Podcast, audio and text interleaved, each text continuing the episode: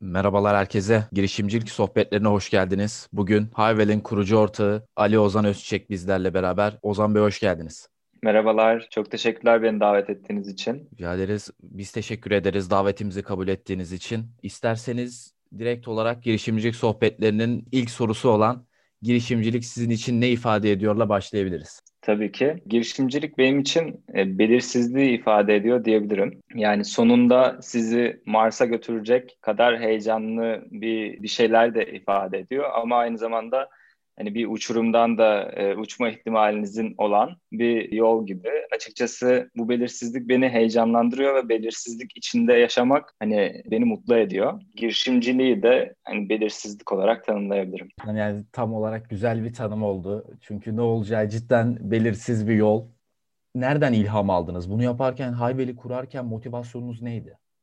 Aslında ben Denizliliyim ve işte İstanbul'a Boğaziçi makineyi kazandığım zaman geldim. İstanbul'a geldiğim zaman başlangıçta bir adaptasyon sürecinde işte daha doğrusu adaptasyon da değil de hani ben tıp isteyen bir kişiydim. Lise boyunca tıp istedim. Sonrasında üniversite seçimleri için İstanbul'a geldim. Üniversite seçimleri İstanbul gel- geldiğimde birçok üniversiteyi gezdim. Cerrahpaşa'ya gittim, Boğaziçi'ne gittim, Koç'a gittim falan. Ve sonunda orada işini gerçekten seven bir hocam vardı. Hatta Çetin Hoca, maki, Boğaziçi Makine'de. Gerçekten anlatırken ben hocayı çok sevdim. Yani gözlerinden bayağı enerji saçıyordu ve işini inanılmaz seviyordu hem yani kampüsün güzelliği hem işte o hocamın o kadar işini sevmesi ve enerji dolu olması falan bütün bunlar beni aslında Boğaziçi Makina'ya getirdi. Sonrasındaysa ben hani ne yaptığımı sorgulamaya başladım. Yani ben Boğaziçi Makina'dayım, nereye gideceğim, ne yapacağım? Hani kariyerimle alakalı sorguluyorum. İşte bu hayatta ne yapıyorum, onu sorguluyorum. Genel olarak hayatın anlamı ne falan derken hani bu sorgulamalar beni genel bir şey etti. Bir depresyon sürecine götürdü. Ve bizim kampüsümüzde bir psikolojik danışmanlık servisi var. Oraya çok kolaylıkla gidip destek alabiliyorsunuz. Ben de böyle bir haftalık falan yataktan çıkmadığım, gidip işte günde bir öğün yemek yediğim falan bir süreçten sonra dedim ki artık buraya gideyim ve bir destek alayım. Çünkü bir desteğe ihtiyacım var. Sonrasında e, bu desteği aldıktan sonra yani benim için çok iyi gelen bir süreç oldu ve hani o noktada şeyi anladım. Hani bu benim kafamın içinde fırtınalar koparken etrafımdaki insanlar yani bunu göremiyorlar ve ben bu kadar bu kolayca bu desteği alamasaydım eğer hani e, ne olacağından emin değilim. Yani bu desteğin çok kolayca ulaşılabiliyor olması ve insanların e, psikolojik rahatsızlığı olduğu zaman bu destekleri alabileceklerinin bilincinde olmasının çok önemli olduğunu düşünmeye başladım. E, sonrasında okul yılları devam etti. Yani direkt bu fikri işte buldum ve hayata geçirdim gibi değil. Sonrasında iş hayatına girdim. İşte Mercedes gibi, işte BSH, PwC gibi yerlerde part-time olarak çalışırken hani kurumsal hayattan devam etmek istemediğimi de anlayınca işte girişimcilik ve zamanında o yaşadığım tecrübeyle birlikte bir e, şey ortaya çıktı. Hani bu noktada da aslında hem bu e, fikrin ne kadar yani bir insanın hayatına ne kadar dokunabileceğini görüyordum. Bu beni çok tatmin edeceğinden emindim. Yani insanlara bu hizmeti e, ulaştırmanın hem de o kişinin yani psikolojik rahatsızlığı olan ya da işte yaşamdaki anlamı sorgulayan kişinin bu hizmeti hani nasıl bir şekilde almak istediğini de az çok görmüştüm yani hani ve sonrasında bu tüm süreçte bunları görüyor olmak ve bunların bilincinde olmak hani çıkan tüm zorluklara karşı beni her zaman dinç tuttu ve hani yılmamı engelledi diyebilirim. Bu şekilde doğduğunu söyleyebilirim. Havel aslında dediğim gibi gerçekten çok güzel bir hizmet ama şimdi baktığımız zaman online ortamda değil normal psikolojik danışmanlığa bile eskisi kadar olmasa da belli bir ön yargı vardı. Yani eskiden bence daha çok vardı da şimdi tabii o ön yargı yavaş yavaş kırıldığını düşünüyorum. Bir de online ortamda olunca belli bir ön yargıyla karşılaştınız mı? Ee, şöyle, bu arada yani hem psikolojik danışmanlığın e, danışmanlığa karşı bir ön yargı vardı. Hem de yeni bir platform olduğumuz için bir ön yargı vardı aslında. Yani sizi hiç kimse tanımıyor. Hem psikologlar sizinle çalışırken bir daha temkinli yaklaşıyorlar. Hem de kullanıcılar daha temkinli yaklaşıyor. Yani siz kimsiniz? Ben işte ödeme yapacağım bu platform üzerinde en gizli şeylerimi anlatacağım ve işte bunların güvenliğini kim sağlıyor gibi aslında çok fazla soru işareti vardı çok en başta. Hani genel olarak güvenilir bir marka yaratmak da sancılı bir süreç. Bunun yanında dediğin dediğin gibi zaten hani bu hizmetler tarihte böyle en öncelere gittiğinde bile hani çok farklı algılanmış, ön yargının olduğu e, süreçler. Hatta yani tarih kitaplarında falan e, okuduğumuz şeyler işte psikolojik rahatsızlığı olan bir insanın içine şeytan girdiği düşünüp yakılıyor falan. Yani buralardan mı gelmiş emin değil. Mesela o ön yargılar nerelerden geldiğini bilmiyorum tabii ki.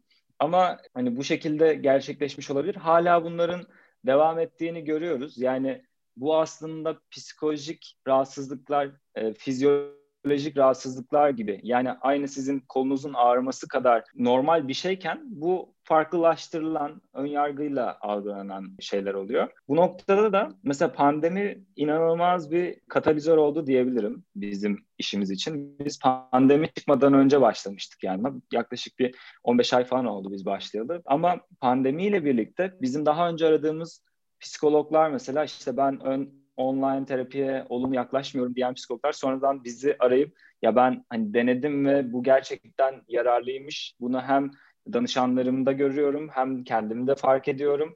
Hani online terapi işe yarıyormuş demeye başladılar ki zaten biz bu arada bu sürecin en başında Amerika'daki araştırmaları inceleyerek yani bunun gerçekten yararlı olup olmadığına emin olduktan sonra bu sürece başladık. Bunun Amerika'da hem e, başarılı iş modelleri bulunuyor. Yani çok büyük platformlar bulunuyor. Birer milyondan fazla kullanıcıları olan platformlar bulunuyor, bulunuyor mesela. Ve aynı zamanda da e, Amerikan Psikologlar Derneği'ne girdiğiniz zaman da bunu, bu konuda araştırmalar bulunuyor. Onları inceledikten sonra yola çıkmıştık. O yüzden hani başta ön yargıyla karşılansa bir noktada bu ön yargıları kırabileceğimizi düşündüğümüz için hani bu bunlar bizi durdurmadı ve yani tamam bu bu psikolog kabul etmiyorsa bizimle çalışmayı bu araştırmalara daha pozitif yaklaşabilecek birisiyle devam ederiz gibi bir yaklaşımımız oldu. E, ve o şekilde devam ettik. Pandemi de inanılmaz bir katalizör oldu diyebilirim. İşte siz de dediniz bazı psikologlar da buna önce ön yargılı bakıyordu dediniz. Çünkü ta, psikolojik danışmanlık aslında böyle insanların insanların içlerinde de böyle düşüncelerinde de çok fiziki bir şey ya. Hep vardır mesela yani o bir yere oturursun işte o yerde karşında danıştığın kişi olur. Önce bir sohbet başlar. Böyle yani tamamıyla fiziki bir şey yok. Ee, web ortamına, online ortama biraz daha taşıdınız. Sizce böyle fiziki şeylerin online ortama geçişi daha fazla görülür mü? Yani çok fazla yapılabilecek tüm alanlar online'a geçeceğini ben düşünüyorum. Bu teknolojik kullanımı inanılmaz hızlanmış durumda. Yani hatta çok komik. Yani dün dört tane arabayla karşılaştım sokağa çıktığımda ve dördü de araba kullanırken ellerinde telefonla bakıyorlardı. Hani dedim ki yani inanılmaz. Hani şu an mesela insanlar çiplerin takılması konusunda işte bayağı bir şey durumdalar. Hani böyle tedirgin durumdalar ama zaten elimizde çiplerle yaşıyoruz. Yani yarın bir gün işte Elon Musk gelip işte Neuralink e, bak Neuralink geldi artık Google'a beyninden ulaşabileceksin dediği zaman ben birçok insanın çok böyle öne atlayarak onu kabul edeceğini düşünüyorum. Hani e, teknolojinin gidişi hani eksponansiyel olarak hızlanacağını düşünüyorum ve pandeminin de inanılmaz şekilde zaten bunu hızlandırdığını görüyoruz. Hani pandemi çok farklı bir şey oldu. Yani bu noktada bu arada hani teknolojinin birçok alanı demokratize etmesi ve çok daha fazla insana yeni kaynaklar sunması, yeni imkanlar sunması beni e, mutlu ediyor açıkçası. Hatta yani buradan şuna bile bağlayabilirim. Mesela bizim şu an platformumuzda seans alacak her kişi yani bizde bizim şu an binlerce seans gerçekleşiyor her ay şu an platformumuzda ve bu binlerce seans normalde ofislerde gerçekleşseydi bu insanların her birisi evden çıkıp arabalara binip işte benzin yakarak araba şeylere gidecekti. Ofislere gidecekti. O ofislerde ekstra bir internet olacaktı. Ekstra bir, bir şeyler harcanacaktı. Yani bu binlerce seans aslında iklim değişikliğinde bile azaltıcı bir etkiye sahip. Yani bunu düşündüğüm zaman hani hem o insanların hayatlarındaki trafikte geçen zamanları azaltıyorsunuz. Hem de e, dünyaya da bir yardımınız okuyor. Daha büyük çapta düşününce ve hani uzaktan halledilebilirse bütün her şey. O noktada mesela İstanbul'un trafik sorunu da çözülebilir. Çünkü siz güzel doğası olan bir yerde yaşayıp işte bütün hizmetlerinizi eğer teknolojik olarak bulunduğunuz yerden, dağın başında bir yerden alabiliyorsanız muhtemelen İstanbul'da oturmanın çok bir anlamı kalmayabilir bir noktada mesela. Hani bu noktada bu tarz şeyler beni bayağı heyecanlandırıyor. Yani hem insanlara daha sağlıklı yaşam yaşamı getireceğini, çok daha fazla fazla insanlara imkan sağlayacağını falan düşünüyorum ve dünyaya da yararının olacağını düşünüyorum bu tarz şeylerin iklim değişikliği konusunda mesela. Ve bu arada biz de yeni alanlara hani hangi alanlara açılabiliriz diye düşünüyoruz. Yani başka uzmanlık alanlarındaki e, profesyonelleri de Hayvel'e dahil edebilir miyiz? Psikologlarla çalışabilecek bir alan da olabilir bu. Hani bunu biz de düşünüyoruz diyebilirim. Bence çok da hızlanarak bütün dijitalleşme devam edecektir. Kesinlikle ben de aynı şeyi düşünüyorum. Özellikle bu Covid döneminde de bu geçişin çok çok daha hızlandığını görebiliyoruz yani tıpkı sizin dediğiniz gibi. Şimdi Hayvel'de işte başka şeylere de odaklanacağız tarzı bir şey dediniz. Aslında bu tam diğer sorumuzla alakalı sizce bir girişimin tamam oldu bu iş noktası var mıdır? Veya bu tamamıyla kendini geliştirmesi gereken bir süreç midir? Ee, şöyle aslında bu kişisel bir soru bence biraz. Yani sizin hedefleriniz ne birazcık onunla alakalı. Yani hani bitti yani tamam ben oldum dediğiniz noktada bence geriye gitmeye başlıyorsunuz. Çünkü e, teknolojiler ileriye gidiyor, rakipleriniz çıkıyor. İşte onlar sizin yaptığınız şeyin aynısını yapıp yani sizinle rakip olabilirler. Ama siz sürekli kendinizi geliştirirseniz o zaman bir rekabet avantajı sağlayabilirsiniz. Yani bu noktada girişimcilik böyle bir maraton gibi bence. Ama dinlenmediğiniz bir maratonunu tamamlayamayabilirsiniz. Bu noktada hani burnout olmamaya özen göstermek gerekiyor. Çünkü çok da fedakarlık yapılan ve enerji isteyen bir süreç gerçekten. Hani bu noktada burnout olmamaya dikkat ederek ileri gitmek gerekiyor diye düşünüyorum hep. Hani bu iş oldu dediğinizde bilmiyorum o iş birazcık geriye gitmeye başlayabilir. Çok doğru. Ee, sizin gibi genç girişimci olmak isteyenlere veya tüm girişimcilere vereceğiniz bir öneri, tavsiye var mıdır?